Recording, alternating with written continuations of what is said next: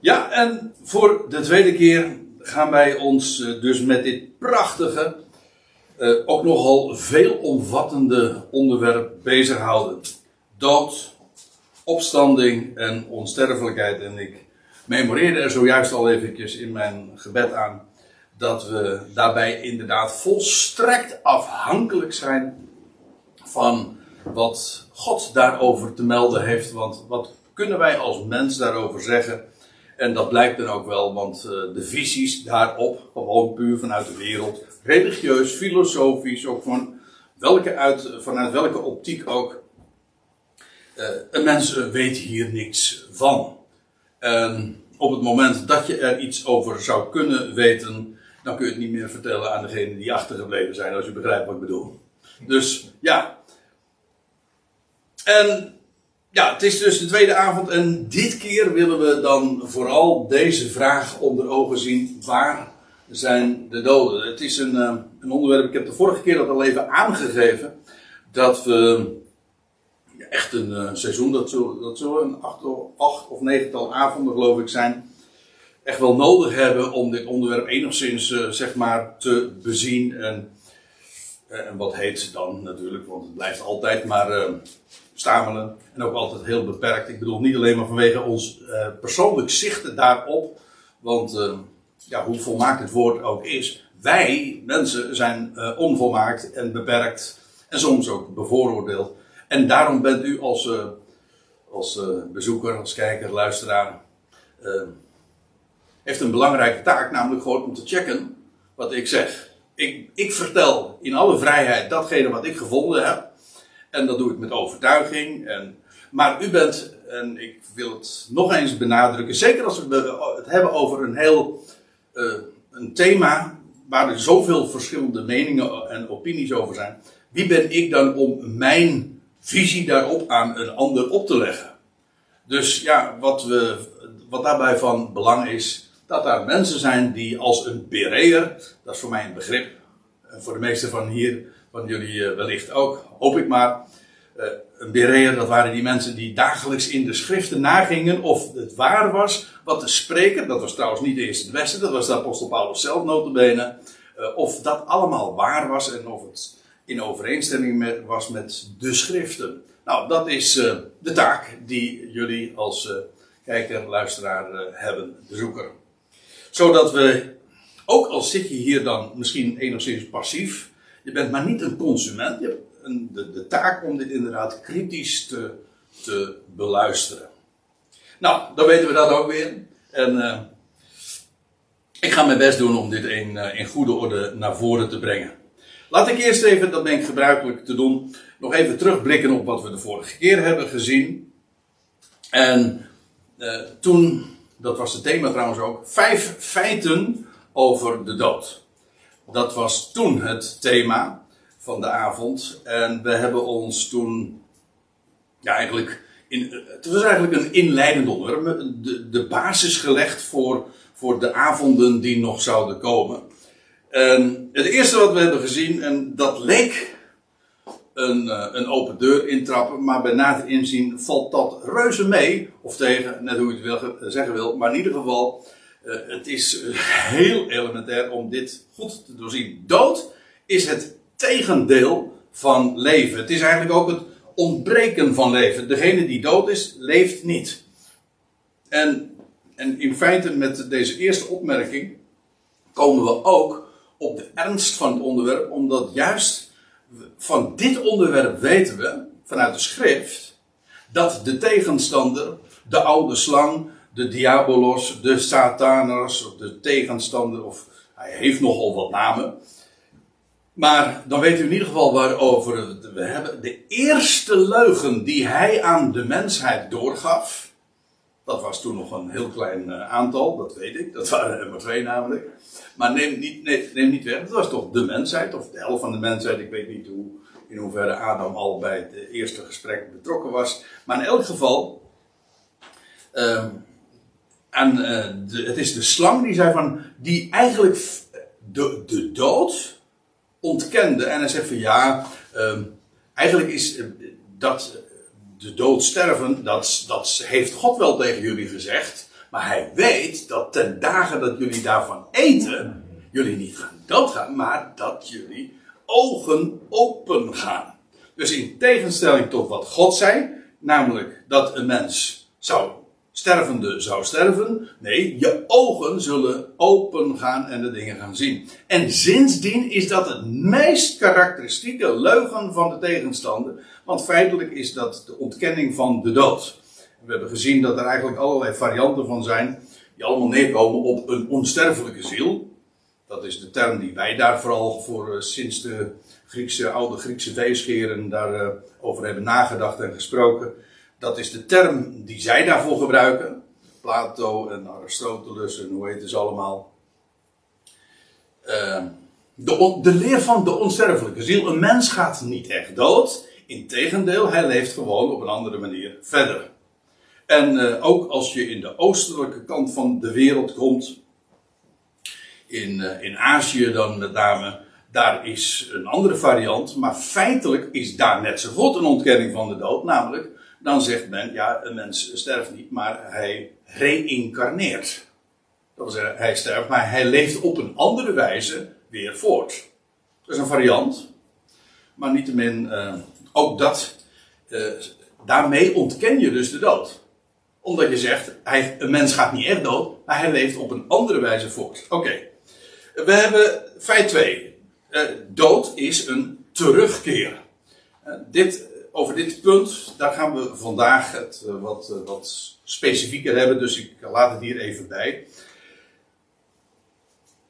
Een hele bekende metafoor in de schrift is die van de slaap. De dood als slaap, de doodslaap. Uh, men spreekt ook wel van de zielenslaap, waar ik niet zoveel problemen mee heb, waar het niet dat de term zelf niet uit de Bijbel komt.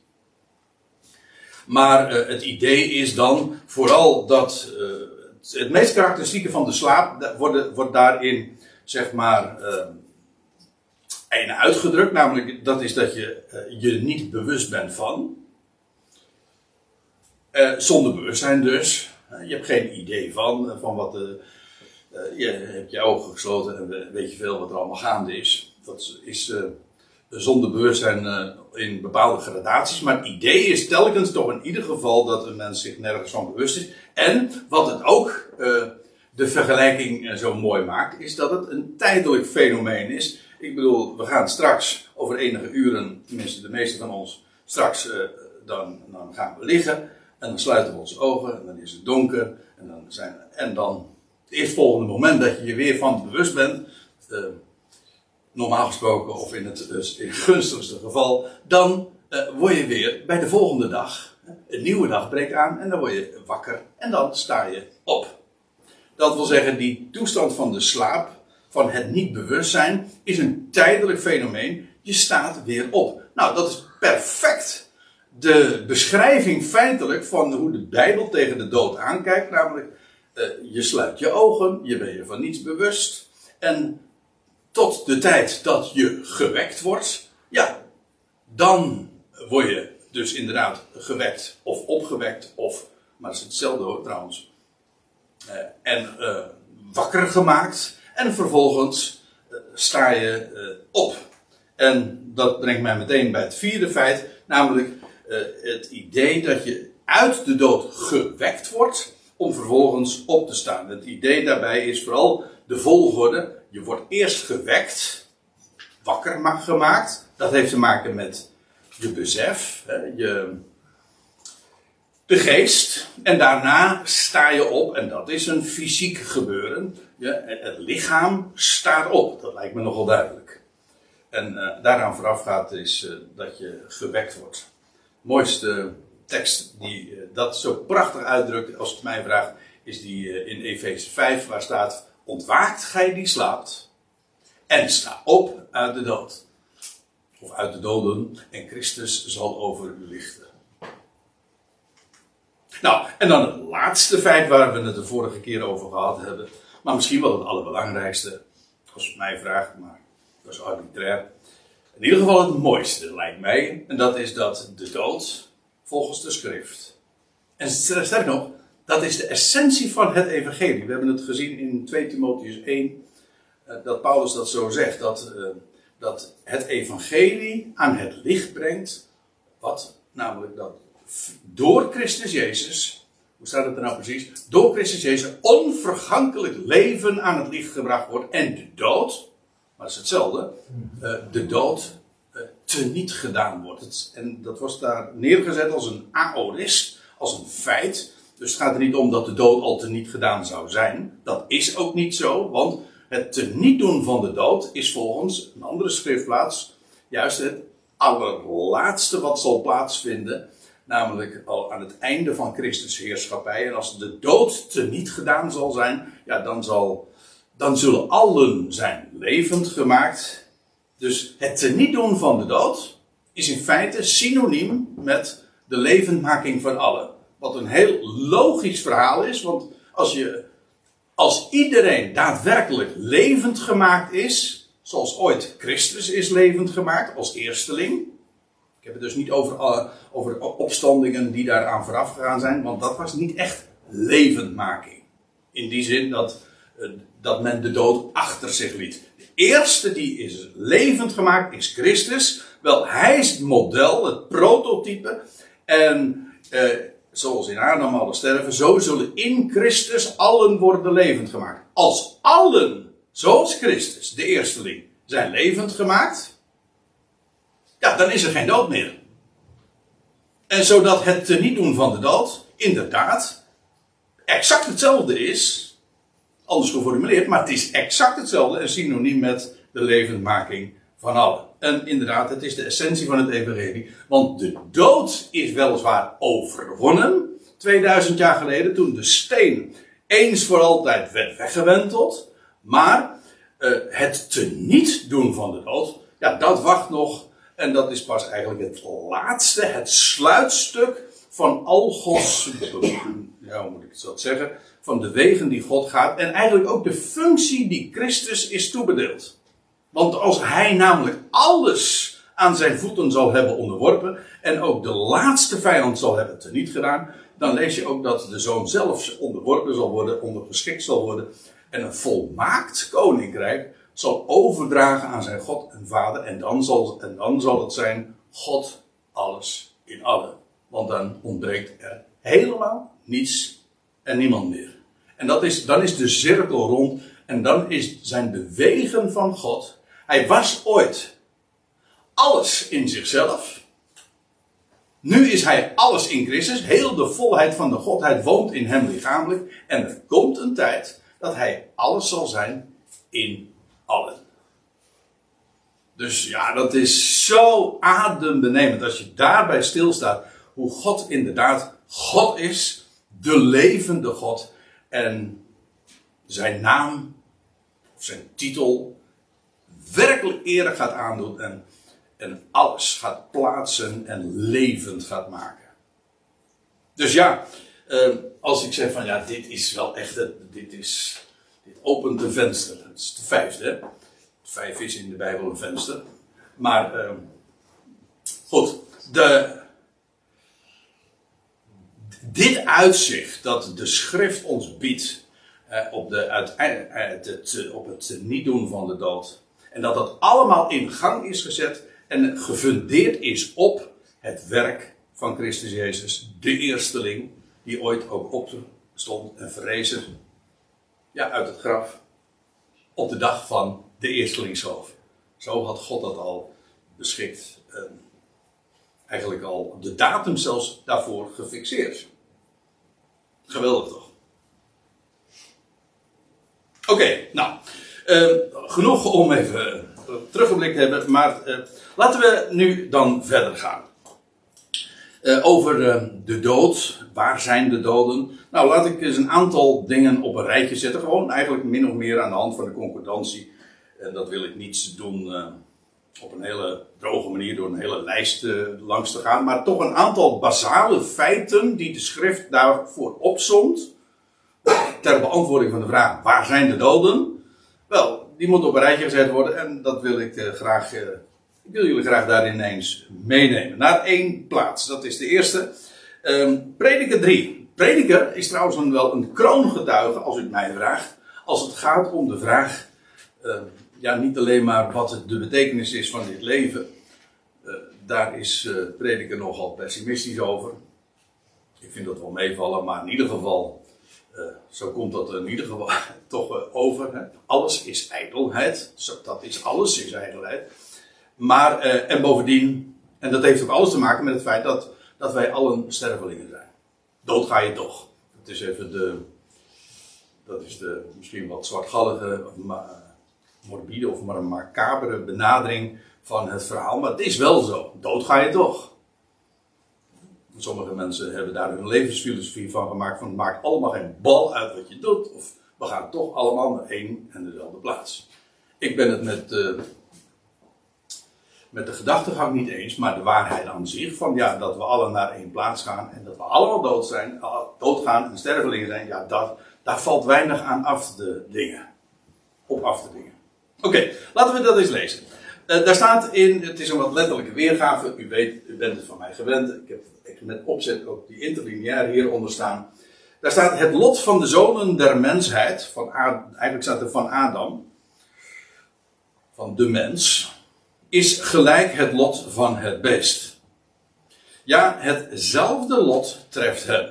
Zoals de dood is voor de een, zo is de dood voor de ander. Dat wil zeggen, uh, in beide gevallen uh, treft ons mens en dier hetzelfde lot, namelijk uh, het bestaan wordt beëindigd. En dus, dit is wel eigenaardig zoals, dat zoals Salomo dat formuleert. Want hij is de prediker.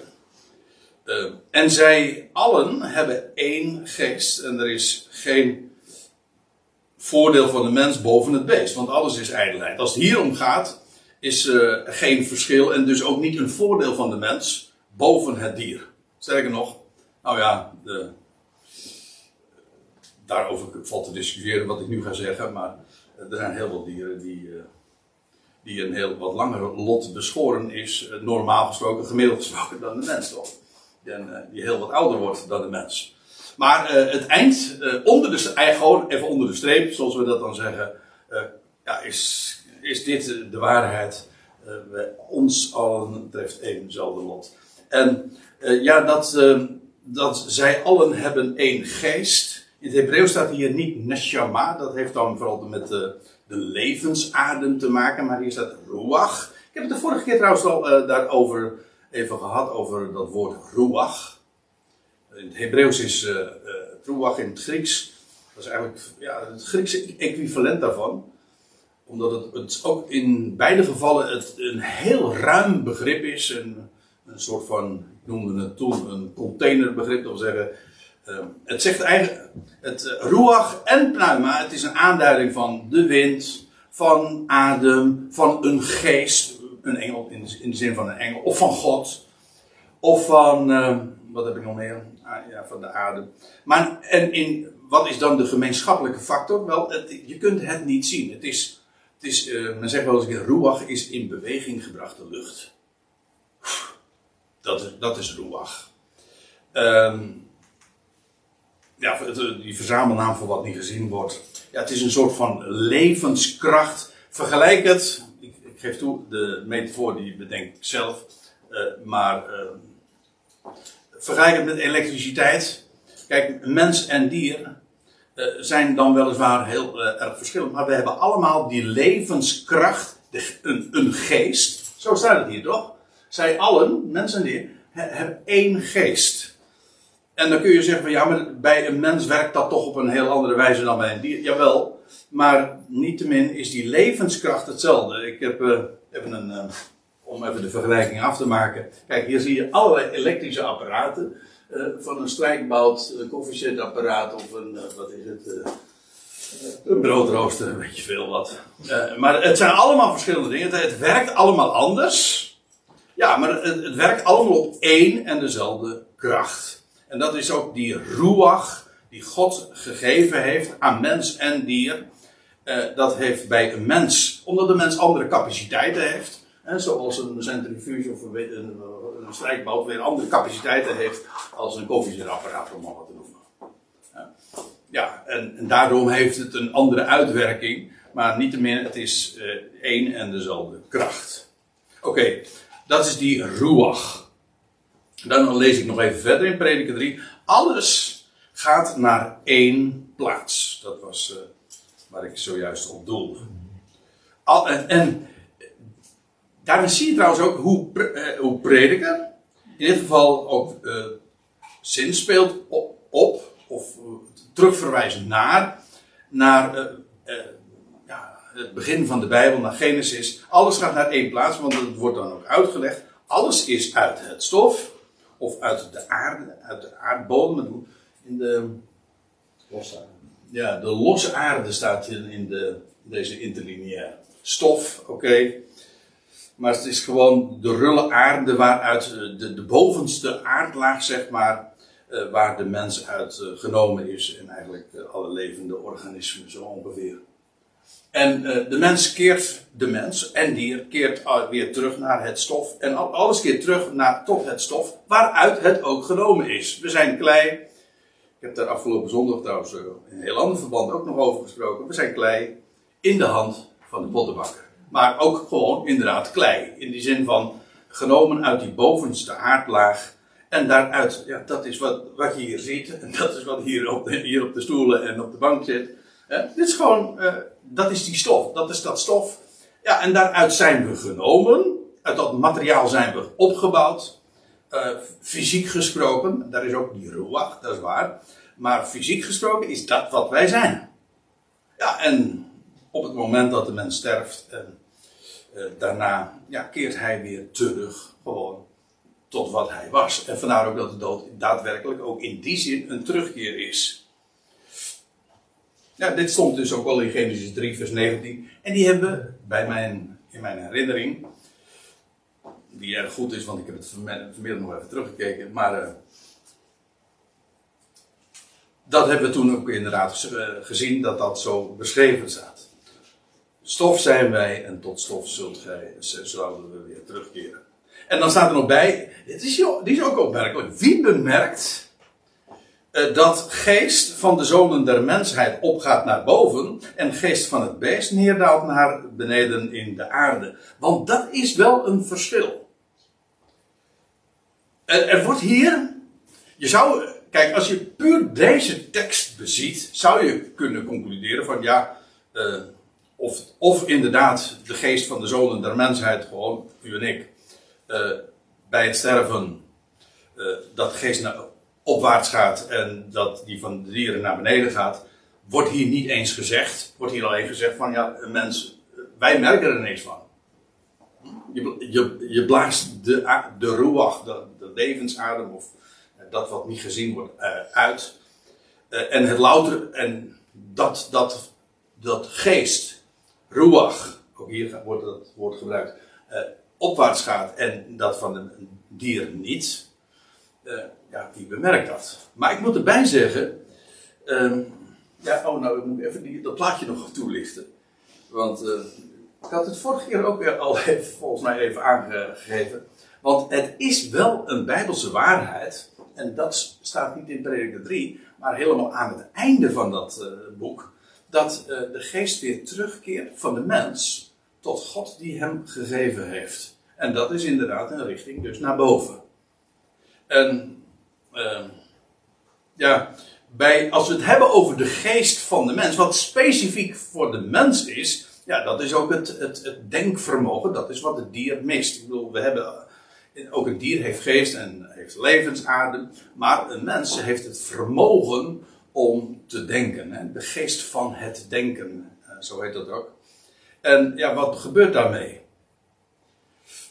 Nou, ja, en daarom, heb ik die plaatjes even. Ook dat is een vergelijking die ik zelf maak, maar ik vind deze moderne. Uh, technologie is, uh, vind ik wel een, een, hele mooie metafoor voor wat er met de geest eigenlijk gebeurt bij het sterven. Namelijk, het wordt weer uh, gebackupt, mag ik het zo zeggen? Ik weet niet of ik het uh, goed vervoeg nu, maar ja, opgeslagen, bewaard bij God. Het, het, gaat ja, in, in, in het backup, of zal ik zeggen, het gaat in de cloud. Die vind ik ook wel aardig dat gaat uh, waarom, en daar ben ik heel erg blij om, Want er komt weer een moment dat de mens bij gelegenheid, welke rangorde dan ook, maar opstaat. Ja, en dan, dan wordt die geest die hij ooit hier op aarde had, weer van belang. Namelijk, uh, dan, dan staat de mens op. Ja, en, en die geest dat, nou, die is keurig opgeslagen bij God. Uh, zodat we dan ook meteen weer nou dit is een politiek beladen term, actieve herinnering hebben aan. ja, aan, uh, aan dat wat. Ik, al was het maar dat we weten wie we zelf zijn. Sommige mensen vragen wel eens. Ik heb, ik heb altijd een hele gekke vraag gevonden. Maar uh, van of, of wij straks in de opstanding herinnering zouden hebben. En ja, uiteraard. Als, als er geen herinnering is, dan weet ik dus ook niet dat ik, dat ik er ben. Maar in hoever, als dat zo is, in hoeverre ben ik er dan nog? Hè? Dus ik weet wel waarom die gedachte is opgekomen hoor. Waarom men ontkent van dat er geen herinnering is. Mag ik hem even kort zeggen? Dat komt, dat is mijn verklaring. Uh, dat komt omdat een heleboel mensen niet kunnen leven met de gedachte dat ze hun geliefde niet meer tegenkomen. En het hele idee van een eindeloze helstraf, uh, dat je in de opstanding zou moeten leven met de gedachte dat geliefden uh, dat je die nooit meer terug zou, treffen, zou zien. En dat die op een plaats zijn waar, ze, waar foltering en nou ja, het hele idee van een eindeloze hellenstraf. Ja, dat is niet te verdragen. En om dat weg te verklaren, ja, dan uh, is dan, dan maar dat, dat waanzinnige idee, zeg maar, opperen van nou, er zal, geen, er zal geen herinnering zijn aan, aan het verleden. Kijk, wat anders is, aan wat vroeger is, zal niet meer gedacht worden. Maar dat is wat anders. Dat je aan bepaalde dingen niet meer denkt, is wat anders dan dat je het geheugen, de herinnering zelf niet meer zou hebben. Ik ga daar nu verder niet op in. ik, ik, eh, ik, zou in de verleiding kunnen komen, maar uh, ik heb een heleboel diaatjes voor vanavond, dus ik ga het niet doen. ik laat het hier even bij. Er staat inderdaad wel in Prediker 12, uh, want hier staat van wie bemerkte van de, dat geest van de zonen der mensen opgaat naar boven. Nou, er staat inderdaad in, het einde van het boek Prediker dat het stof weerkeert of terugkeert tot de aarde zoals het geweest is. En de geest terugkeert tot God die hem geschonken heeft. Ja, in feite is. Uh, wat er bij het sterven gebeurt, in, is, het, is, eigenlijk het spiegelbeeld, het omgekeerde van wat er bij de schepping plaatsvond. Want eh, eigenlijk, dit is een desintegratie. Je, uh, dat wil zeggen, de mens valt dan weer uiteen. Het klinkt wat heel erg.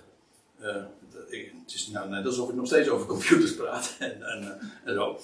maar in feite is dat wel de gedachte dat, je, dat de mens ehm, is, ja, valt dan bij het sterven weer uiteen in, eh, in, in zijn oorspronkelijke element. Dat wil zeggen, hij was ooit, hoe was het bij Genesis 2? De God nam stof uit de aardbodem. En vervolgens blies hij in dat lichaam, in zijn neusgaar, hoe staat het er precies? Uh, zijn neshama. En al zo werd, niet kreeg, maar werd de mens een levende ziel zodat een levende ziel, dat is, dat is uh, opgebouwd uit de elementen, dus het stof dat gevormd is uit aarde, het lichaam, plus uh, de levensadem die in hem geblazen is. Maar op het moment dus dat de mens sterft, ja, en de levensadem weer uitblaast, de, ja, dat is de geest geven. Zo heet, zo heet dat toch ook, ook in de Bijbel trouwens. Ja, dan geeft de mens de geest. Ja, dat betekent dat hij uiteindelijk weer gewoon terugkeert uh, in die gedesintegreerde toestand. Als ik het zo mag zeggen. Dat wil zeggen, het stof keert weer terug naar de aarde en de geest keert weer terug naar God die hem heeft gegeven. That's it. En dat dat bij een dier anders is dan bij een mens, oké. Maar uh, de, de dood, en dat is het waar het vooral om gaat, nu even, uh, is in beide gevallen voor mens en dier Het, het is het beëindigen, in ieder geval de tijdelijke beëindiging van het bestaan. Nog één, dat is ook een, eh, een, een, term die we met name in de dichterlijke boeken veel, veelvuldig aantreffen. Job, maar vooral de psalmen. Namelijk dat als een mens sterft, dat hij in de stilte neerdaalt. Ik heb er een paar. Er staat in Psalm 115: Niet de doden zullen Jahweh prijzen. Niemand van wie neergedaald is in de stilte. Maar wij zullen Jahweh zegenen. Van nu aan tot in de Aion. Halleluja. Nou, de tegenstelling is hier die, dus, dus die van doden. Ja, wat levenden kunnen God prijzen. Dat is, dit is trouwens een waarheid die we heel dikwijls aantreffen uh, in psalmen, maar ook, uh, is die, Jezaja geloof ik. Nou ja, in ieder geval, we vinden op heel wat uh, plaatsen, namelijk dat het zijn de levenden die God kunnen lopen, de doden niet. Wordt wel heel vaak gezegd in rouwadvertenties en zo, maar dat, in de Bijbel vind ik dat niet. De, niet de doden zullen jou prijzen. Niemand van wie neergedaald is in de stilte. Het idee is, uh, hoezo dat, dat, dat Sheol, ik kom er straks op terug, waar de doden zijn, wie neergedaald zijn. Het is heel, heel mooi, ja, haast heel fysiek uitgedrukt. Een mens daalt neer. Hè? Hij keert weer terug tot de aarde. Dat is inderdaad down to earth, hè? ja, met recht. Maar en dat is in de stilte. Hoezo in de stilte? Nou, daar wordt niks gezegd. En daar wordt trouwens ook niks gehoord. Dus met recht in de stilte. Er staat in, uh, in ook in de psalmen 31 vers 17. Dat is uh, de mens wordt tot zwijgen gebracht in Sheol. Dus heb je dezelfde gedachte in de stilte. Psalm 88. Zal uw goede tierenheid in het graf worden verhaald? Uw trouw in het verderf? Is uw wonderlijk werk in de duisternis bekend? Dus er, dit, is, dit is meer de visuele benadering. De stilte is, er wordt niks gezegd, er wordt niks gehoord. En in, in de duisternis betekent er wordt ook helemaal niks gezien. Maar dat sluit ook perfect aan bij de hele term waar ik straks op terugkom van Sheol en Hades. Is uw wonderlijk werk in de duisternis bekend? Uw rechtvaardigheid in het land van de vergetelheid? We hadden het net over actieve herinnering. Nou, als er ergens niet herinnerd wordt, dan is dat inderdaad in de dood. We zagen dat trouwens de vorige keer ook heel uitdrukkelijk in, het, in Prediker 9, waar staat dat ja, uh, er is geen arbeid, geen werk, geen overleg of gedachtenis in het dodenrijk, in het Sheol, waarheen gij gaat. Dat is het. Dus als je wat wil doen, als je wat wil zeggen, als je wat wil bedenken, als je wat wil overleggen, dan moet je dat doen als je leeft. Maar, want in het dodenrijk, dat is de gedachte, in, in de Sheol is dat niet. Als vergeten is duister, is het stil. En daar eh, is ook het verderf. Dat, nou, dat is inderdaad, dat wil zeggen gewoon, dat is waar de mens weer tot stof terugkeert. En in het graf wordt niet uw goede tierenheid verhaald. Nou, dat brengt mij. Ik, dit zijn zomaar wat voorbeelden. En um, ja, dus, uh, ik zou ze met uh, heel wat meer kunnen uitbreiden. Maar ik denk dat uh, het punt daarmee wel gemaakt is. Nou moet ik nog eventjes terugkomen op deze termen Sheol en Hades. Ik heb hem inmiddels al een paar keer gebezigd. Ook de vorige keer heb ik er al wat over gezegd. Maar dit zijn de twee termen die de Bijbel uh, gebruikt ter aanduiding van die plaats waar de doden naartoe gaan. Het Hebreeuwse, laat ik eerst even beginnen met dat woord Sheol. Het Hebreeuwse woord voor dodenrijk is Sheol. En dat is uh, direct verwant aan het, woord voor, werkwoord voor vragen. Uh, degenen die uh, Ivrit kennen, die weten dat Shoel, dat is het Hebreeuwse woord voor vragen. Ik, uh, Anis Shoel, ik vraag. En, en, maar dit is Sheol, maar die, de stam is exact dezelfde. En het betekent vraag. Eh, het niet weten. Maar dat is in feite ook die, ja, het, een heel trefzekere manier om uh, de toestand van de dood te beschrijven. De toestand waarin de mens terechtkomt. Kijk, het graf, daarvan zou je ook kunnen zeggen dat is gewoon specifiek die plaats waar een mens, vooral uh, fysiek zeg maar, terechtkomt. Maar uh, Sheol is de, die gemeenschappelijke plaats waar de doden komen. In die zin, die, eh, gemeenschappelijke plaats of toestand. En waardoor wordt dat gekenmerkt? Nou, dat heet Sheol. Dat is waar men niet weet. Er is geen kennis, er is geen overleg. Daarom is Sheol een prachtige, een trefzekere aanduiding van de toestand der doden. Dat klinkt wat uh, hoogdravend. Dodenrijk. Volgens mij heb ik het, we het de vorige keer al eventjes ook overwogen, als ik me goed herinner. Uh, dodenrijk. ik vind hem wat gekleurd, omdat, hem, omdat het suggereert alsof het een of andere organisatie is, een rijk, waar de doden, zeg maar, als ja, rond, denk ik zoiets aan Walking Dead, of ik weet niet. Heb u dat wel eens gezien? Dat macabre serie? Nou ja, het niet echt aan, want ik was van kous had. Hè? Nee, dat is niet echt leuk. Maar in ieder geval, dat zijn allemaal van die, van die dat is zo'n zo'n serie, Netflix, uh, met ja, van die zombies die dan inderdaad als, als lijken dan rondlopen. Nou ja, en zoiets zou dat dan zijn. Dat is een beetje de associatie, in ieder geval bij mij, van dodenrijk. Sorry? Dat ik dat weet. Ja, ik heb ook kinderen. ja. En dan zeg ik, waar zitten jullie nou naar te kijken? Nou ja, het is naar de Walking Dead, dus. ja. Nee, dit was geen aanbeveling, maar dit is, eh, dit, dit, dit is even de, de, associatie die het bij mij oproept. Um, dodenrijk. Eigenlijk zou je het dus weer moeten. Maar de term zou je moeten vergeten, omdat het, het, roept gedachten op die in ieder geval niet kloppen. Maar als je eenmaal weet uh, waar het, uh, dat het dodenrijk dat het inderdaad te maken is, de toestand van onwetendheid.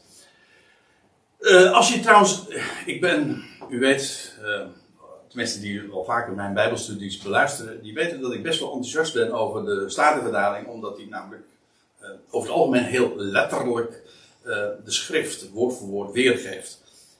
Uh, maar uh, ik moet zeggen, soms zijn er toch wel zijn, er uitzonderingen waar ik veel minder enthousiast over ben. Waarbij bijvoorbeeld de NBG-vertaling concordanter is, dat wil zeggen eensluidender is dan de Statenvertaling. En dat is in dit geval heel duidelijk zo. bij het woordje Sheol. Omdat de Statenvertaling juist inconsequent is in de weergave. Ze geeft het woord Sheol en weer met hel en met graf. Nou, dat het weergegeven wordt hel is sowieso al fout, omdat het woord hel ook gebruikt wordt voor een heel ander woord, en dat is voor het woord Gehenna. Dat is een, ander, dat is een Grieks woord. Maar ook Gehenna, dat is, een, ja, dat is ook helemaal geen hel. Ik ga het nu verder daar nu niet over hebben. Maar uh, Gehenna is gewoon een plaats ten zuidoosten, zeg ik goed, van uh, Jeruzalem. Gewoon het dal van Hinnom. Dat is wat Gehenna is. Is eh, elk handboek kun je dat zo nalezen. Dus dit is helemaal geen verrassing. Maar in ieder geval, het loutere feit dat men voor twee totaal verschillende begrippen één vertaalwoord gebruikt, dat is verwarring. Dat, dat kan nooit. Uh, het, het, het verhaal is, uh, dat men het weergeeft en met hel en met graf, maar dat is theologie. Dogmatiek, een hele fout in dit geval. En dat is de wijze, de, de, de, ja, de, waar die gedachtegang uh, is, uh, ligt ten grondslag aan die dubbele manier van vertalen. Ik zal u een voorbeeld geven. In Psalm 9, vers 18, daar staat in de Statenvertaling dit. De goddelozen zullen terugkeren naar de hel, naar de hel toe. Alle godvergetende heidenen. Niet de God vergeten, maar de godvergetende heidenen. Ja, dat is een verschil. Uh, maar hier staat. Kijk, dit is, maar dit is vertalen naar de theologie. Want de goddelozen, ja, die keren terug. Die zullen terugkeren uh, naar de hel. Hoe ze dat helemaal uitleggen, begrijp ik dan weer niet. Want hoezo is dat een terugkeer? Waren ze daar dan eerder? Maar goed. Um, maar, maar daar gaat het me nu ook trouwens helemaal niet om. Men hier staat gewoon in het Hebreeuws het woordje Sheol. Hoe kon men dit met uh, hel vertalen? Wel omdat het hier over goddelozen gaat. Ja, Maar nou zit je dus, dit is geen vertalen, dit is uitleggen. En nog een foute uitleg ook. Men zou gewoon één woord gebruiken, voor, in dit geval voor Sheol. Voor mijn part laat je het onvertaald. Het is een kwestie van even wennen. Uh, kun je in ieder geval niet zeggen, daar zit je nooit fout in ieder geval. Dan zit in ieder geval dicht bij de grond. Oké. Maar nou zal ik jullie een voorbeeld geven. Nog eentje. Er zijn heel wat uh, schriftplaatsen trouwens in het Oude Testament waar de Statenvertaling Sheol weergeeft met hel. Dit is er een van, dit, deze is, uh, ja, deze is heel uh, obvious, zeggen ze dan in het Engels.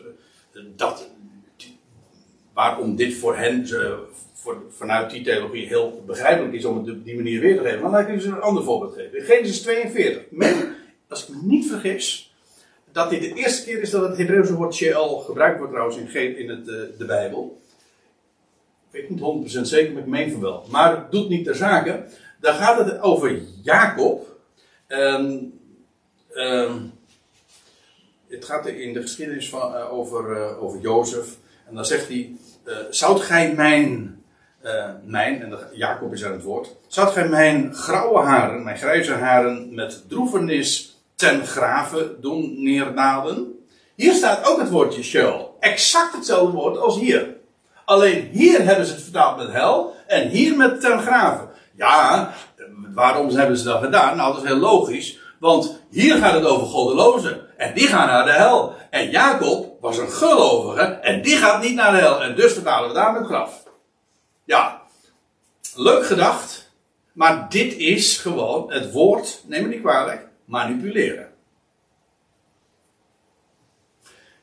Hier staat, als hier hetzelfde woord gebruikt wordt, zou men het op dezelfde wijze ook weergeven. Dat is ook het hele idee van concordant vertalen. Wat uh, lastig genoeg is, en kan ook lang niet altijd, uh, vanwege ja, idioom van verschillende talen. Maar in dit geval zou men dat keurig hebben kunnen doen. Men heeft het niet gedaan, niet vanwege het feit dat, dat, in, dat het, uh, het Nederlands idioom dat niet zou.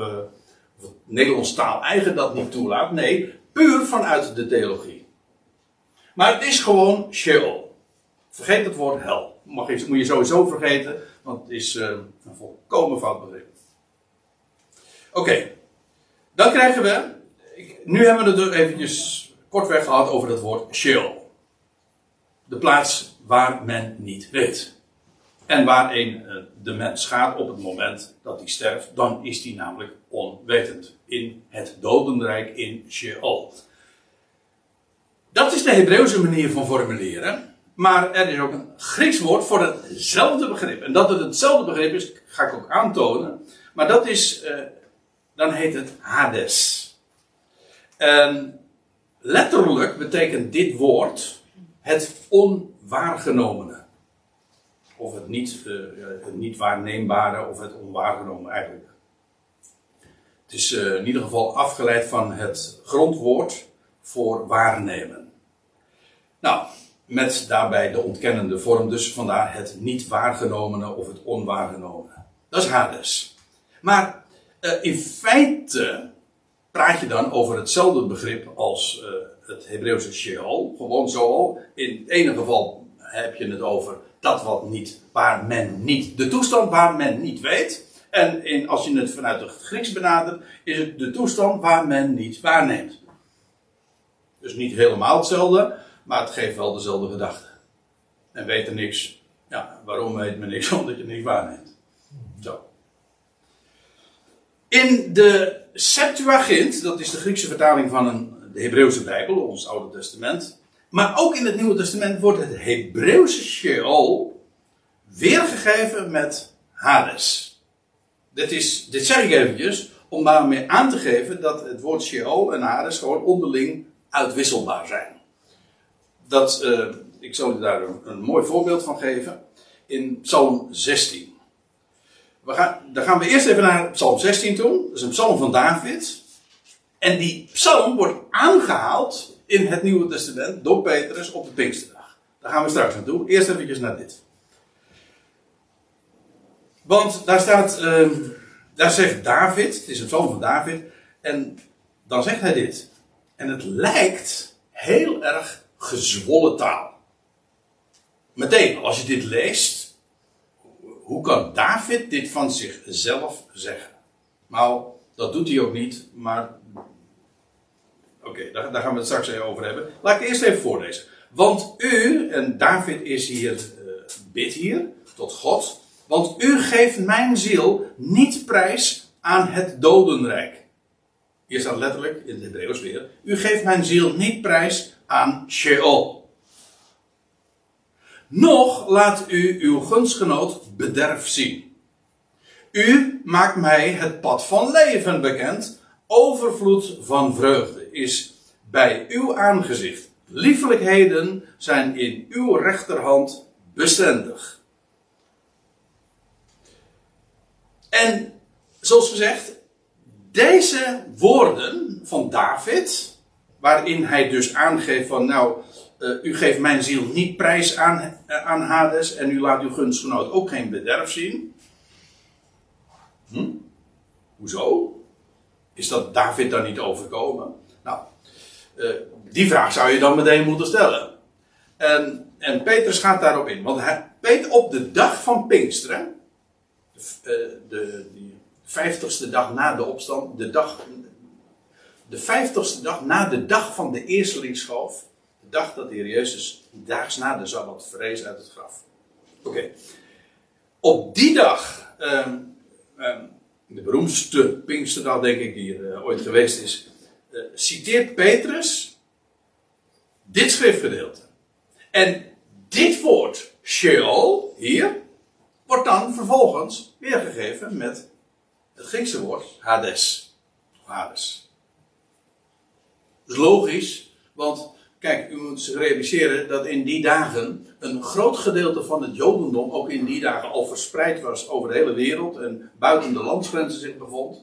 En uh, niet eens de Hebreeuwse taal machtig was. Men was Hellenistisch, men sprak Grieks en men raadpleegde ook een Griekse vertaling. Als in het Nieuwe Testament de Hebreeuwse Bijbel aangehaald wordt, dan gebeurt dat consequent altijd in, uh, aan de hand van de Septuagint, de Griekse vertaling. Vandaar dus. En dan, dan zegt Petrus dit. Ik, ja, het, is een het is een beetje een lang citaat, dus ik vond het een beetje lastig om dat goed uh, weer te geven, om niet al te uitgebreid dat te doen.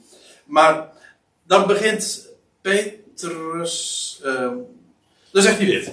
Mannenbroeders, hij, Petrus is opgestaan en die ging toelichting geven over, over wat er op die dag allemaal plaatsvond. En, en ja, dan gaat hij uitleg geven. Hij, hij citeert tal van schriftgedeelten en hij legt uit hoe alles in de schrift betrekking heeft op Israëls Messias. En dan zegt hij dit in vers 29. Mannenbroeders, het is geoorloofd met vrijmoedigheid naar jullie toe te zeggen, aangaande de aartsvader David, hij had zojuist, moet ik er even nog bij zeggen, hij had zojuist Psalm 16 geciteerd. Nou, dan zegt hij van, ja, en dan gaat hij toelichten. Hij zegt, uh, het is geoorloofd met vrijmoedigheid, neem ik aan, naar jullie toe, te zeggen, naar jullie toe te zeggen, uh, aangaande de aartsvader David, dat hij en is overleden, en werd begraven, en zijn graftombe is te midden van ons. Trouwens, hij bevond zich in Jeruzalem, en daar kon hij, hij, kon, hij kon aanwijzen. Men heeft zelfs uh, wel uh, opgemerkt, gedacht, gezegd of uitgelegd, dat Petrus deze toespraak heeft gehouden pal bij het graf van David. Doet nu even niet de zaken, het is genoeg om te zeggen, het, was, het graf van David bevindt zich in Jeruzalem. Nou, hij kon het gewoon aanwijzen. Zijn graftombe is bij ons tot op deze, uh, is te midden van ons, tot op deze dag. En ik kan er zelfs uh, aan toevoegen, zelfs nu zijn wij pakweg 20 eeuwen later, en uh, nog steeds is dat zo. Daar is zijn de graftombe van David. Maar, zegt hij dan, zijnde dan een profeet, wil zeggen David was een profeet, niet slechts een poëet, een dichter, want dat is wat men er vaak van maakt. Psalm 16 is gezwollen taal, ja, dichterlijk, poëtisch, overdrijving, dan mag dat allemaal. Uh-uh, zegt Petrus, hij is geen poëet, ja, dat mag hij van mij wel zijn, maar hij was een profeet.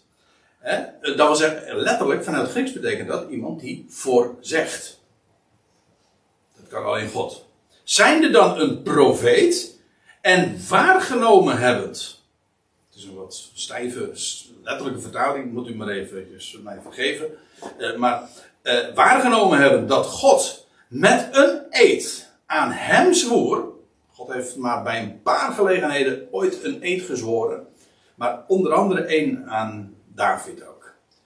En wat was die eed? Dat één vanuit de vrucht van zijn lende, staat in het enkelvoud, niet lendenen, maar vanuit zijn lende, eh, te doen zitten op, op zijn troon. Dat wil zeggen, er zou David, aan David is van Gods wegen beloofd dat iemand uit zijn zaad, uit zijn lende, zou zitten op zijn troon. En dat heeft hij waargenomen en God heeft het hem onder ede gezworen. Nou, dan staat er, terwijl hij tevoren waarnam, dat, terwijl hij dat allemaal dus voorzien en voorzegd heeft, sprak hij aangaande de opstanding van de Christus. Dat hij niet in de steek werd gelaten tot in het dodenrijk. Sheol, Hades. Paulus, of uh, Petrus spreekt hier over Hades, maar hij, hij refereert aan de Hebreeuwse Bijbel waar Sheol is. Van, een Sheol sprake is. Dus wat Petrus, uh, wat Petrus hier zegt, is David had het niet over zichzelf. Toen hij zei van ja, u laat mijn ziel niet over aan het dodenrijk en u doet mijn gebeente geen, of mijn vlees geen ontbinding zien. Nee, hij heeft gesproken over hem die uit zijn lendenen zou voortkomen en die, en daarmee over de opstanding van de Messias, dat hij niet in de steek werd gelaten tot in het dodenrijk. Nog zijn vlees ontbinding waarnam, want hij werd ten derde dagen verrezen, uh, opgewekt uit de doden. Dus dat klopt exact en dat is voorzegd door David. Dat was dus profetisch. Nou, en dan staat er nog bij, deze Jezus deed God opstaan, waarvan wij allen getuigen zijn. Nou, en daarmee is eigenlijk de cirkel voor Petrus rond. Uh, God heeft hem opge doen opstaan door hem op te wekken. En, en Petrus zegt, ja, wij zijn er alle ooggetuigen van. Een getuige betekent in dit geval ook gewoon een ooggetuige. En eenstemmig hebben ze hiervan getuigenis afgelegd. Gewoon een historisch feit. Maar het gaat er maar even om. Uh, de heer Jezus was dus inderdaad gedurende die dagen in het graf, in het Sheol, in de onwetendheid, of zo u wilt, uh, in de plaats waar eh, geen waarneming is. Maar dat is slechts drie dagen het geval geweest. Want ten derde dagen eh, stond hij op uit de doden. Ja, nou zie je. Nou, laten we deze vraag ook nog even meepakken voordat we gaan pauzeren. Kan, geen punt. Oké, doen we dat. Uh, waar was Jezus tussen uh, sterven en opstanding? ja, als we het hebben over waar zijn de doden, uh, dan moet ik deze vraag eigenlijk ook er even bij nemen. En eigenlijk, ik kan me voorstellen dat als je tot dusver nou gewoon het over beluistert, en zeggen, nou, volgens mij heb je daar, nou keurig, maar dat is er nu, maar in ieder geval heb je daar ook inmiddels antwoord op gegeven. Waar was Jezus? Nou gewoon, nou gewoon, ja, dood. Hij, hij was dood gewoon. Gewoon dood, ja. Ja. En als, hij, als God hem niet had opgewekt, was hij nog steeds dood geweest. God deed hem opstaan. Maar God had beloofd, onder Ede, en bovendien ook dat de dag was gefixeerd, de dag van de eerstelingsschoof, dat het de derde dag moest zijn. Alles was toch. Het stond gewoon geschreven. En het moest gebeuren. Het is ook daadwerkelijk gebeurd. Maar gedurende die dagen was de Heer Jezus dus dood. Waar was hij tussen zijn sterven en opstanden? Ik kan daar op, verschillende manieren antwoord op geven. Gewoon, ik, heb expres eventjes, eh, zoals ik dat dan pleeg te noemen, de bonnetjes er even bij genoemd, zonder daar nu naartoe te gaan. Hij was in de dood. Zo staat het er letterlijk. Hij was in de dood. Uh, zijn lichaam lag in het graf. Sommige mensen zeggen met name dat dan graag van, ja, deze was niet echt dood, maar zijn lichaam lag in het graf. Het klopt, zijn lichaam lag in het graf. Dat staat eh, ook op verschillende plaatsen. Maar nou moet ik, nou moet ik eventjes streng zijn. Want er staat niet alleen dat hij zijn lichaam in het graf was, maar ook Jezus zelf lag in het graf. Dus men heeft hem begraven. Hij is gestorven, hoe staat het er? En hij, Christus, is begraven. Niet alleen maar uh, zo van, ja, dit is het, zo wordt het vaak genoemd, hè? het stoffelijk overschot. Dat is geen Bijbelse gedachte. Dit is geen stoffelijk overschot. Dit is het, dit is het lichaam. Oké, in zijn sterfelijke, vergankelijke vorm. Maar niettemin waar God een geweldig plan mee heeft.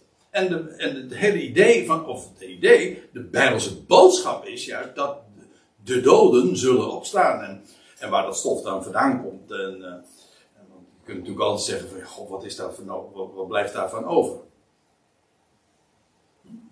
Ja, maar God wekt de doden op en het lichaam, hij geeft daar weer opnieuw een lichaam aan. Um, dus die term, um, die, moet je, die zou je niet bezigen. Eigenlijk in het idee van, in de term eh, stoffelijk overschot zit feitelijk nog steeds dat gif, dat ik het zo uh, oneerbiedig of zo uh, onvriendelijk mag zeggen, van de onsterfelijke ziel. En dan is het eigenlijk het idee van, ja, de mens zelf leeft voort, maar dit is stoffelijk overschot. Zo, als dat zo was, ja, dan waarom, waarom moest Jezus Christus dan worden opgewekt? Dat is juist de essentie. Ik kan me zo voorstellen dat men in, uh, in, uh, in Korinthe ook dat, die gedachte heeft gehad van ja, Jezus leeft wel voort, maar hij is niet opgestaan. Dat doet verder niet de zaken. Goed, hij lag in het graf en wat we ook hebben gezien, hij was in de Sheol, in de Hades, in het onwetende, in de onwetendheid en niet waarnemend. Maar nou wil ik er, ja, die pakken we er ook nog even bij om het even compleet te maken. Want nu komen we op nog een punt. Traditioneel, echter, wordt uh, geleerd. U kent deze opvatting ongetwijfeld. En dat is ook meestal wat hier tegen wat ik zojuist heb naar voren, naar voren heb gebracht, uh, wordt ingebracht, is uh, ja, Jezus uh, is gestorven. Maar meestal zegt men, ja, zijn lichaam lag in het graf. Maar hij zelf is naar het paradijs gegaan. Want dat heeft hij aan het kruis immers uh, zelf gezegd tegen die misdadiger die naast hem werd gekruisigd. Nou, laten we daar eens naartoe gaan. Ik lees even voor uit de NBG-vertaling. Lucas 23. Daar lees je die, die, geschiedenis. In eerste instantie waren. Ja, nou, dat hangt nog weer af van een andere vraag hoeveel mensen er met hem waren meegekruisigd. Ik denk dat het er vier waren. Maar nou, nou, het risico met zo'n opmerking is dat nou vervolgens de gesprekken gaan over het aantal mensen dat met Jezus waren, als. Vergeet het maar weer. In ieder geval, één van de misdadigers, die kwam uh, tot inkeer. En dan lees je dat hij zegt, gedenk mij dat wanneer u in uw koninkrijk komt. En dan zegt Jezus, en Jezus zei tot, tot hem, de misdadiger, voorwaar, ik zeg u, Heden zult gij met mij in het paradijs zijn. En als je dit zo leest, dan kom je in ieder geval in conflict met wat ik zojuist naar voren gebracht heb. Ja, dat begrijp ik heel goed. Daarom, ik vind zulke bezwaren, en we, ik wil ze in de loop van de avonden ook eigenlijk allemaal bespreken. Ik vind dat de eerlijkheid gebiedt dat om gewoon alles op een rijtje te zetten. En in dit geval ook, eh, hoe zit dat nou? Nou, dan moet u dit weten. Dat is, dat is dus een heel elementair ding. En dat is dat in het Grieks, dat kent geen, zoals dat heet, interpunctie. Geen leestekens. Geen punten, geen komma's, geen dubbele, geen, uh, aanhalingsteken. Dat, kent het Griek, dat kennen wij in onze taal dus wel. Uh, maar het Grieks niet. En dat maakt een enorm verschil. En ik zal het u laten zien. Want kijk, hier, dit is wat er in het Grieks staat. Gewoon woord voor woord die letterlijke weergave. Daar staat, hij zei tot hem, amen, amen, of voorwaar. Tot jou, ik zeg vandaag met mij, jij zal zijn in het paradijs. Dat is geen lekker lopende vertaling, dat begrijp ik ook wel. Maar eh, de grote vraag nu is, waarop heeft dat vandaag betrekking? Of heden? Heeft dat betrekking op ik zeg? Of heeft dat betrekking op met mij zal je zijn in het paradijs? Dus dan krijg je, is het nou, eh, ik zeg tot, uh, hij zei tot hem, amen, tot jou. Uh, tot jou zeg ik. En dan dubbele punt. Vandaag zul jij met mij in het paradijs zijn. Dat is de gangbare lezing. Maar lees hem anders. Hij zei tot hem: Amen, tot jou zeg ik vandaag. Met mij zul jij in het paradijs zijn. Maar dat is een heel andere lezing. Hè? Dezelfde tekst. Maar je zet gewoon de komma op een andere plek. En dan krijg je van: Ik zeg jou vandaag. Jij zult met mij in het paradijs zijn. En nou staat het 1-1, want dan kun je zeggen: Oké. Eh, beide lezingen geven een goede zin. Niet waar? Sommigen hebben gezegd van ja, maar dat is zo belachelijk. waarom zou de Heer Jezus nou zeggen van ik zeg je vandaag? Natuurlijk zeg je iets vandaag, want je kan niet iets. als je nu iets zegt, dan doe je dat per definitie vandaag. Hè? Nee, dat, maar die reken ik niet goed, want je kunt om allerlei redenen wel degelijk benadrukken waarom dat je iets uh, op een bepaald moment zegt. Ik zeg het je vandaag. En vooral als je de hele context er even bij neemt. Want uh, dan lees je in. Uh, ik pak het voorgaande vers er nu ook nog even bij. En hij, dat is dus die misdadiger, zei tot Jezus: Gedenk mij wanneer u in uw koninkrijk komt. Dus hij realiseert zich dat hij te maken heeft met een koning. Wat die misdadiger geweten heeft, dat weet ik niet. Nou, in ieder geval dat uh, hij te maken heeft met een koning. En hij zegt van. En hij weet ook in ieder geval. Uh, dit is niet het laatste. En hij komt een keer in zijn koninkrijk. En nou vraagt hij. Als u. Of wanneer u. In uw koninkrijk komt. Gedenk mij dan. Nou zegt. En nou is het antwoord van de heer Jezus. En hij zei. De heer Jezus zei tot hem. Amen. Ik zeg tegen jou vandaag. Je zult met mij in het paradijs zijn. De vraag was: gedenk mij wanneer u in uw koninkrijk komt. Dus dan, ooit, whenever. En de heer Jezus zegt: Ik zeg jou vandaag. Ik garandeer je vandaag, jij zult met mij in het paradijs zijn. Dus dat hele idee, eh, waarmee men dan probeert te ontkennen dat Jezus eigenlijk niet echt dood was, ja, dat uh, om, op, op deze grond uh, wat zullen we daarvan zeggen? Ik kan het niet goed rekenen. Dit is. Dit, in de eerste plaats is het zo dat als je schrift met schrift vergelijkt, dan wil je de dingen met elkaar in harmonie brengen. En als, en als, een, als het dan één tekst is die je op twee verschillende manieren zou kunnen lezen, ja, dan doe je dat in overeenstemming met de rest van het getuigenis, toch? Dat is de, dat zou, de, dat zou de wijze zijn waarop je met, met een probleem of een verschil moet ingaan. En er hoeft helemaal geen verschil te zijn met dat wat we tot dusver hebben gezien.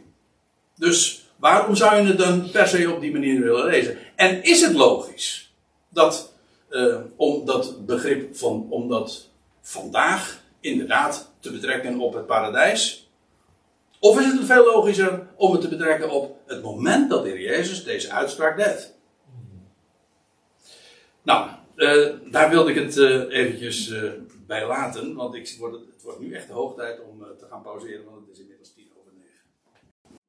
Goed, beste mensen, voordat we weer even verder gaan, nou, opgefrist te zijn.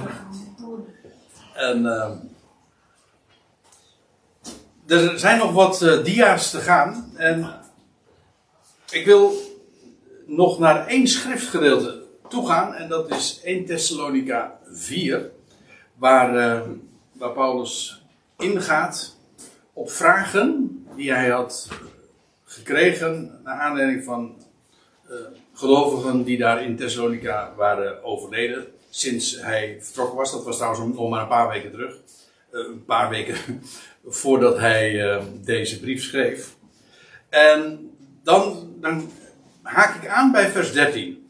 En ik ga nu dit gedeelte bespreken met deze disclaimer dat ik een hele belangrijke elementen die in dit betoog een rol spelen, uh, eventjes moet laten voor wat het is. Het gaat om het tijdstip de precieze gang van zaken. Het gaat mij puur nu, ik bespreek deze versen enkel om um, die vraag van waar zijn de doden en wat is nou de troost die Paulus voorhoudt met betrekking tot de ontslapen medegelovigen.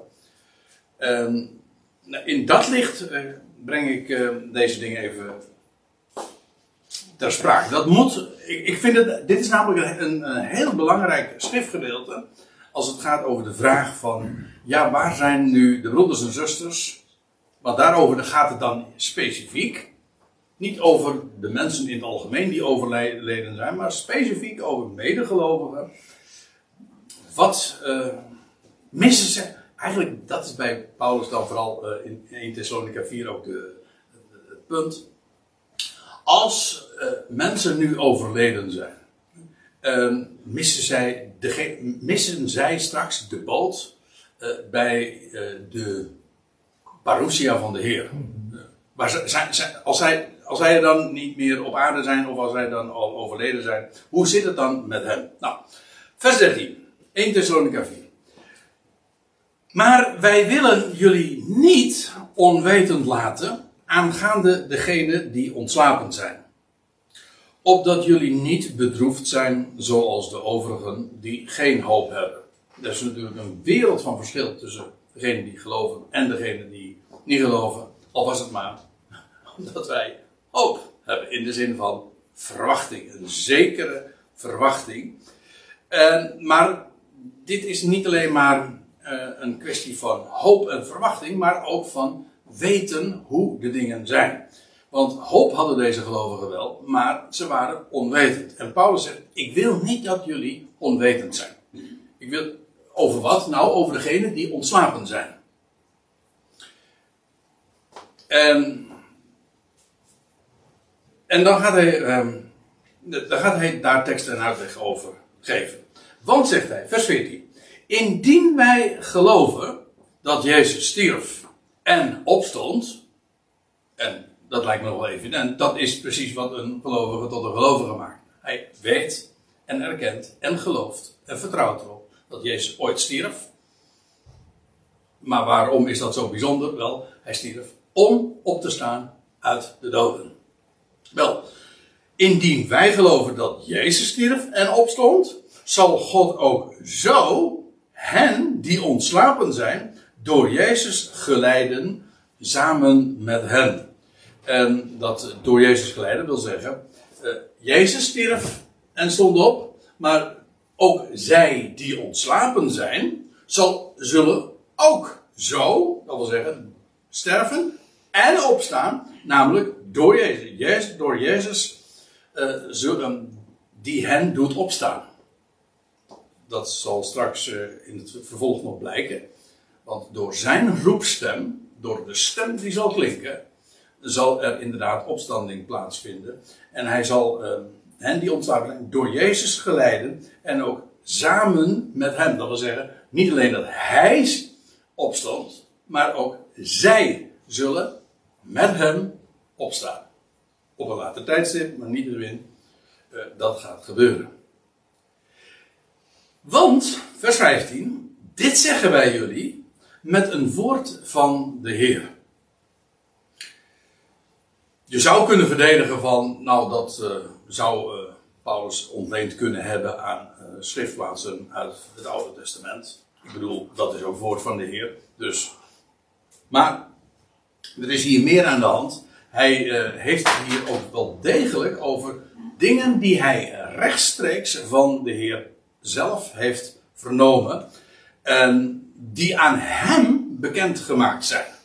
En dat dat in dit geval ook zo is, blijkt wel uh, mijn zin heel duidelijk uit het feit dat wat Paulus hier naar voren gaat brengen over de toekomst, gewoon de, de navolgende versen, dat vind je nergens elders. Over de, de Heer tegemoet gaan in de lucht. Kijk het maar eens na.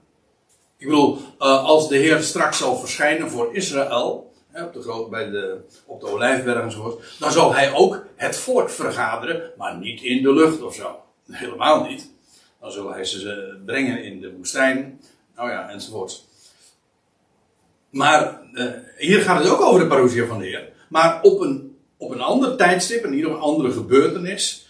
En de dingen die Paulus hier bekend maakt, en die hij zegt met een woord van de Heer, dan doet hij inderdaad op iets wat de Heer specifiek aan hem heeft verteld en wat we ook niet bij de andere van de apostelen uh, aantreffen.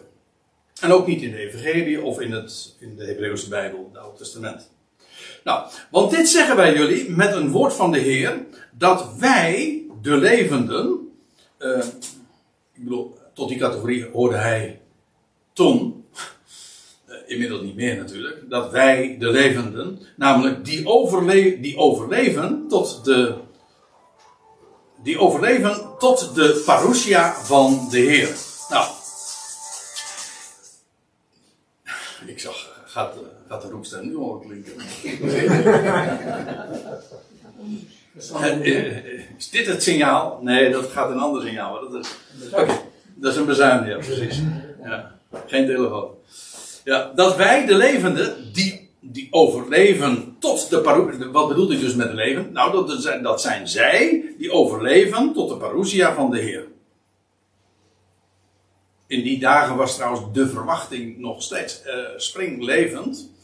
Uh, dat dat in die generatie uh, nog zou kunnen plaatsvinden.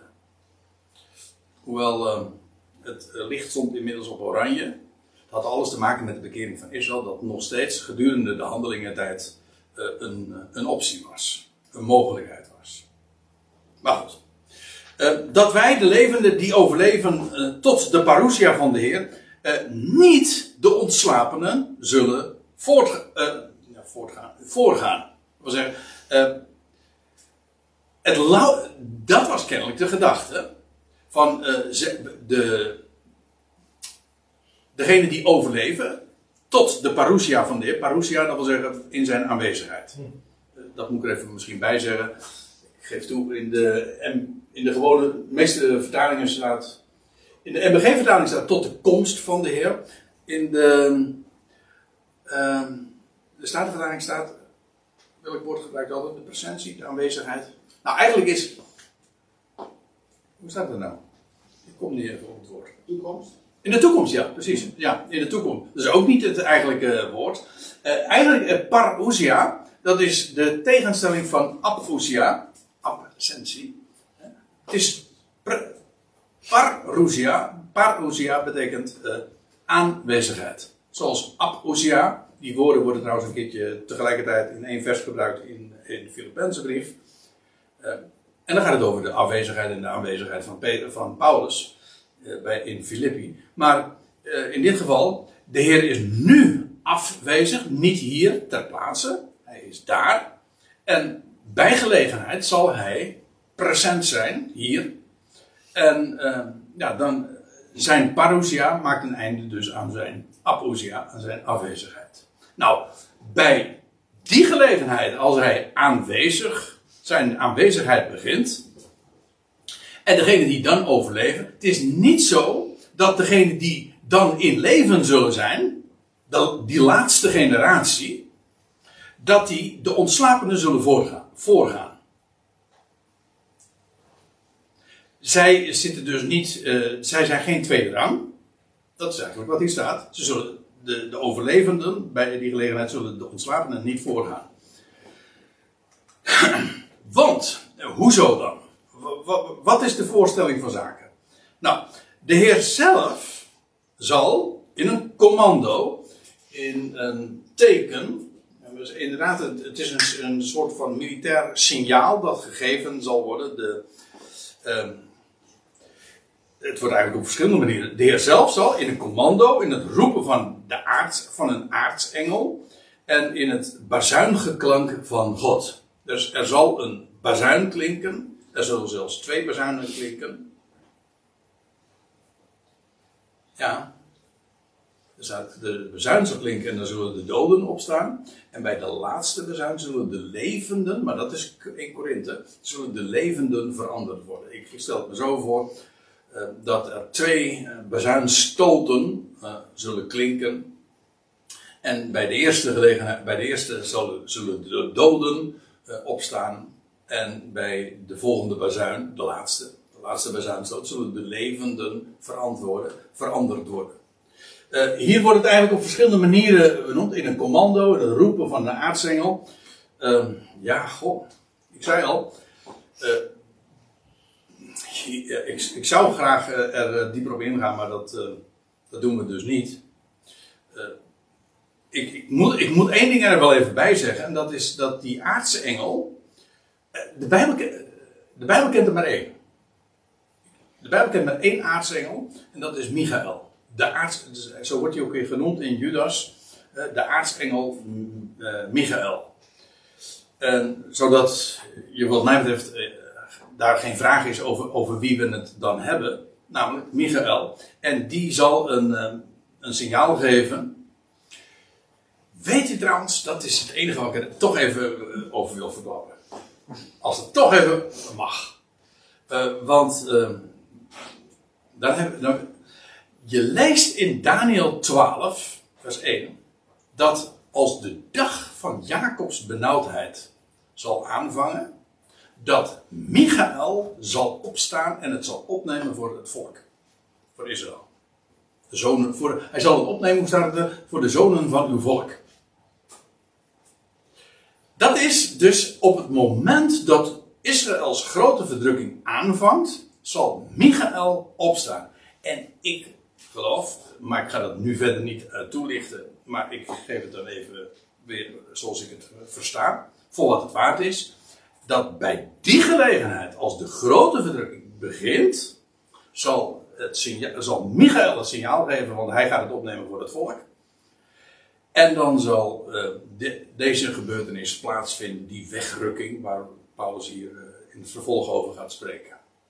Komt trouwens exact overeen met wat we vinden in openbaring 12. Want daar lees je dat uh, die mannelijke zoon, dat is Christus en de gemeente, wordt weggerukt. En dan staat een pal erop. En er is oorlog in de hemel. En Michael die gaat strijden met uh, Satan. En dan wordt trouwens bij die gelegenheid uh, het leger van Satan uit de hemel geworpen. En op de aarde komt het terecht. En dan, vindt in, dan begint inderdaad de grote drukking. Dan lees je ook, zijn tijd zal zeer, uh, is kort, en, maar heel heftig. Dat is 1260 dagen tijd. Hoe staat het er? Ja, tijd, tijden en halve tijd. Ik geef toe, ik kan me voorstellen dat uh, een aantal mensen nu afgehaakt zijn. Zeggen, uh, gooi maar in mijn bed, ik, ik weet niet waar je het over hebt. Nou, ik wil toch, ik leg even een link tussen die verschillende schriftplaatsen waar inderdaad van die aartsengel Michael sprake is dat die zal opstaan bij het begin van de grote verdrukking. En over die gebeurtenis, of in ieder geval over dat tijdstip, daar gaat het hier, als ik mij vraag, dus over. Dan zal de Heer uh, in een commando, in het roepen van de aartsengel en in bazuingeklank van God neerdalen vanaf de hemel. En staat er, de doden in Christus zullen eerst opstaan. Dus over welke gebeurtenissen praten we dan? Wel, op het moment dat de Heer inderdaad aanwezig, aan, zijn aanwezigheid aanvangt in zijn parousia, dan het eerste wat er zal gebeuren is dat de doden in Christus, dan gaat het over zij, de ontslapenen in Christus, die zullen eerst opstaan. Ik geloof trouwens niet dat het hier gaat over de, de ontslapenen uit het Oude Testament, want dat zijn geen doden in Christus. Het gaat hier over zij die in, dus inderdaad de Ecclesia. Oké, de doden in Christus zullen eerst opstaan. Dus ter gelegenheid van die parousia. Nou, Vervolgens zullen wij, de levenden. Dus je hebt, ja, dat is nogal simpel. Uh, de Ecclesia, dat wat, uh, waar, de Heer voor komt. En die worden weg, zij die worden weggerukt, waar we het straks over zullen hebben. Uh, die, die groep valt uiteen in twee categorieën. In hen die ontslapen zijn. En degene die nog op dat moment, bij de parousia, nog in leven zullen zijn. De overlevenden, de laatste generatie dus. Nee, nou wilt u weten of wij daar ook bij zullen horen. Hm? Maar daar hebben we het nu even niet over. Nee, daar gaan we niet over uh, laat ik het zo zeggen, de verwachting leeft bij mij zeer sterk. Daar heb ik zo mijn redenen voor. Maar daar gaat het nu niet over. De levenden, eerst zullen bij die gelegenheid de, leven, de doden eerst opstaan. Vervolgens zullen wij, de levenden, of, en ze staan de overlevenden, dat wil zeggen die, die uh, dus nog niet gestorven zijn, tegelijkertijd samen met hen worden weggerukt in wolken, in de cloud. Ja, dan toch weer. ja, in, in de clouds, in de meervoud. Uh, dit is heel apart, want er staat hier inderdaad, uh, er staat in de NBG-vertaling, wordt het eigenlijk uh, een beetje weggemoffeld, of in ieder geval wordt de, kracht ervan wordt afgevlakt. Want er staat inderdaad niet, maar niet samen met hen, maar er staat tegelijkertijd samen met hen. Dat is wat er staat. Overigens, als je de, die schriftplaats waar ik zojuist ook al even aan refereerde, 1 Corinthië 15 erbij betrekt, dan gaat het ook over de bezuin, doden zullen opstaan en met de laatste bezuin zullen de levenden veranderd worden in een ondeelbaar ogenblik. Dat wordt hier trouwens niet gezegd. Er wordt hier alleen maar gezegd, vervolgens zullen wij, de levenden, de overlevenden namelijk, tegelijkertijd samen met hen worden weggerukt. Wat er met die overlevenden gebeurt, wordt hier niet gezegd. Wordt alleen gezegd, de doden staan op en de overlevenden die worden samen met hen weggerukt. Elders werkt eh, eh, zegt Paulus dus, dat, uh, kijk, zoals de doden die zullen onvergankelijkheid aandoen, maar ook de levenden zullen in een ondeelbaar ogenblik, geloof het of niet, maar dat is wat de schrift zegt, zullen in een ondeelbaar ogenblik worden getransformeerd en een onsterfelijk, onvergankelijk lichaam krijgen. Dus zonder te sterven. Die in ene keer in een, fractie van een seconde, in een ondeelbaar ogenblik. Atomos staat er in het Grieks. Dat betekent dat je het niet kunt delen. En in zo'n in zo'n in, in zo'n ondeelbaar ogenblik zullen de levenden worden getransformeerd. Nou, vervolgens zullen wij de levenden, de overlevenden, tegelijkertijd samen met hen worden wegge, weggerukt opgenomen, zeggen de, in de NBG-vertaling, zullen wij in een oogwenk weggevoerd worden.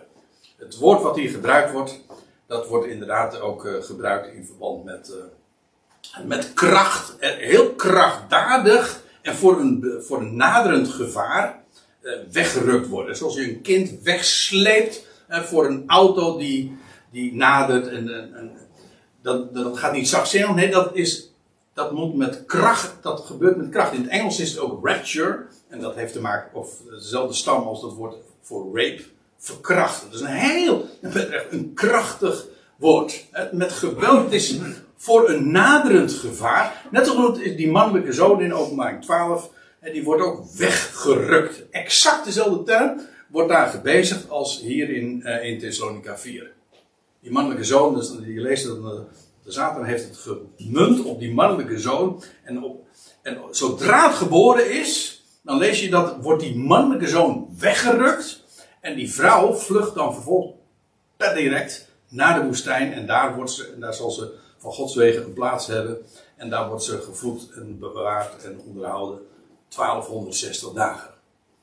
Dus die wegrukking van die mannelijke zoon, die gaat vooraf aan, de, aan die vlucht van die, man, van, de, van die vrouw in de woestijn.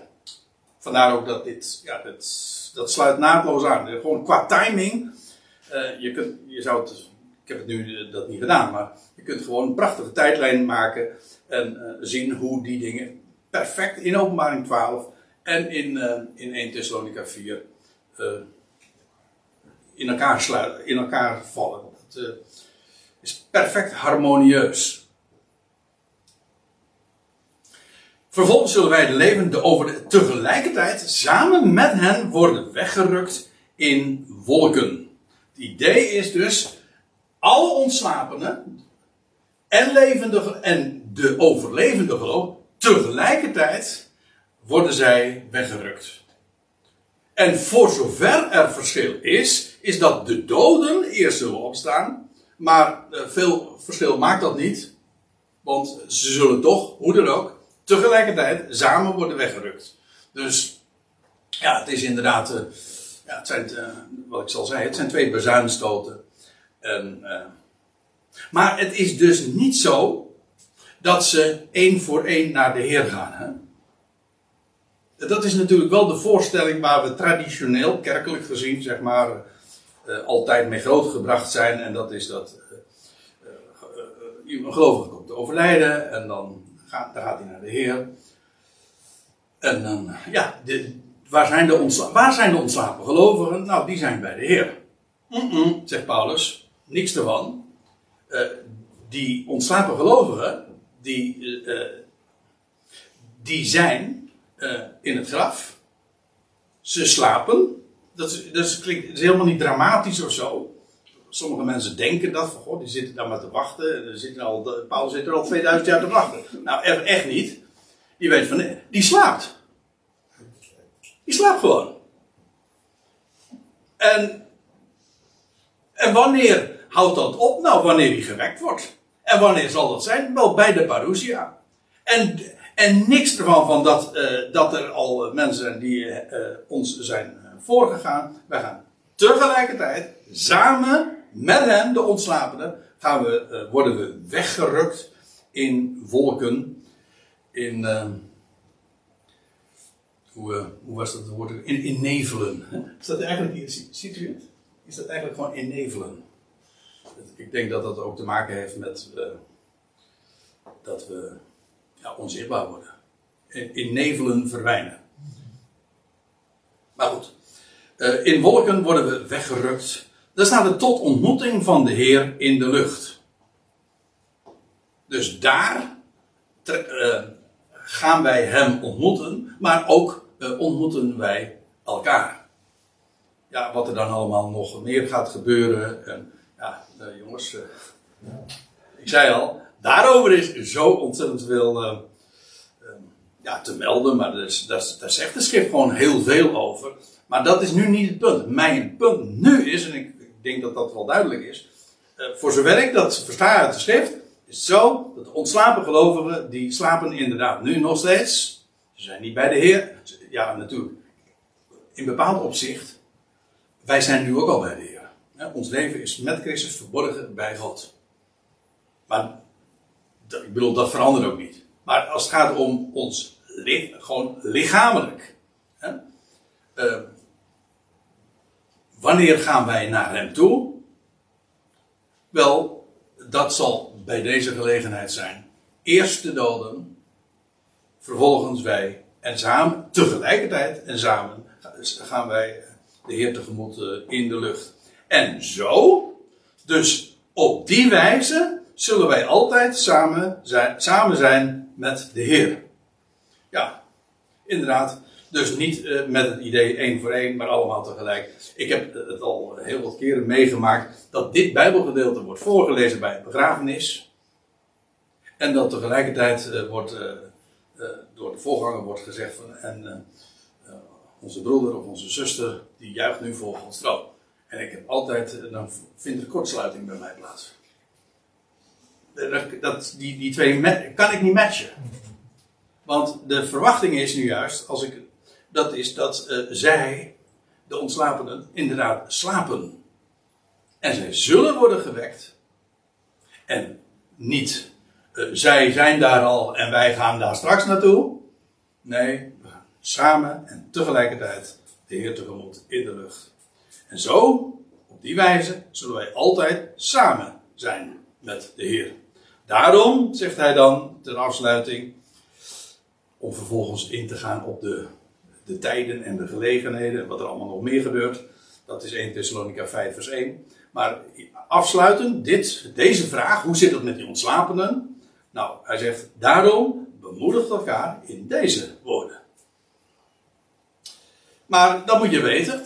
En daarom, het was ook, ik zei al, eh, Paulus begon met: Ik wil niet dat jullie onwetend zijn. Dit moet je gewoon weten. En alleen dan, ja, dan heb je ook zicht op de dingen. En dan, is, dan worden de dingen trouwens ook logisch. Want ik heb me altijd afgevraagd: hoe, hoe stellen mensen zich dat dan voor? Ik weet niet of het helemaal een sterk argument is wat ik nu noem, maar uh, ik, je krijgt een hele merkwaardige uh, voorstelling voor zaken. Er zijn de ontslapenen al daar, bij de Heer. En wat gebeurt er dan? Al bij de parousia gaan ze dan weer terug naar het graf of zo en dan gaan ze opstaan. En om vervolgens weer uh, terug te gaan waar ze al waren. Dat is niet de voorstelling die ik hier lees. Ja, nou. 1 Thessalonica 5, uh, 4 eindigt met daarom bemoedigt elkaar in deze woorden. Nou, uh, er is nog zoveel meer te bespreken. De volgende keer dat, is, eh, dat zal Volente 24 november zijn, dus over, vraag over vier weken is dat. Toch? Uh, nou, dan wil ik uh, nog wat uh, meer schriftplaatsen bespreken, teksten, maar ook vragen en tegenwerpingen. Er zijn, er zijn nog een heel wat onderwerpen die we gedurende dit seizoen moeten bespreken. Ik heb dat de eerste keer ook aangegeven. Maar ook, ik denk dat we een aantal kwesties, questions, vragen, ook tegenwerpingen, eh, echt uh, eventjes God ruimschoots de aandacht moeten geven. Bijvoorbeeld, dat wil ik nog eventjes zo uh, ter voorbereiding zeggen, hoe zit dat met die geschiedenis van Saul te Endor? Dat hij, uh, dat hij bij dat medium komt en dat hij dat, dat medium Samuel oproept. En hoe moeten we dat dan verstaan? Kan dat dan? De, hoe zit het met die rijke man en Lazarus in Lucas 16? Dat is een heel, dit is ook een, uh, een belangrijk ding. Want dat is ook waarom heel dikwijls wordt uh, geleerd van ja, die, die gelijkenis, deze.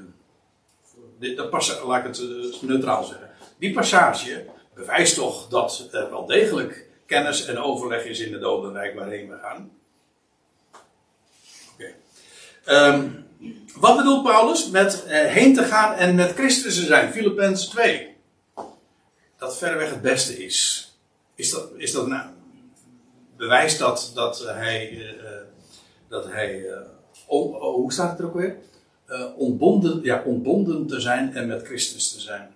En dan zeggen ze ontbonden te zijn, dat wil zeggen, oh, dat betekent dus dat we in het graf zijn. En maar dan zijn we met Christus ik kan nu al verklappen dat dat niet de gedachte is. Maar uh, hoe het dan wel zit, daar willen we, wil ik dan graag nog op ingaan. Hoe zit het met. Juist vandaag heb ik daar nog een artikeltje over geschreven. Voor deze kwestie. Zijn Mozes en Elia nu reeds verheerlijkt? Weet je nog? En uh, ja, ja, nou ik bedoel nu vooral Mozes en Elia in verband met de verheerlijking op de berg. Mozes en Elia verschenen toen. En. Uh, in heerlijkheid, staat er in Lucas 9 dan nog bij. Maar hoe zit dat dan? Zijn, waren die toen al verheerlijkt? Hebben die al een opstandingslichaam? Is de Heer Jezus dan niet de eerste ring? En, nou ja, u begrijpt de vraag. Uh, verlangde Paulus. 2 eh, Korinthe 5. Paulus zegt dat Paulus het lichaam wilde verlaten en in te trekken bij, uh, bij de Heer. Duidt dat ook niet op de tussentoestand? Dus tussen sterven en opstanding. Wie zijn die geesten in de gevangenis aan wie Christus heeft gepredikt? 1 Petrus 3. Waarom zeg ik dit nu allemaal? Om, dit is klantenbinding.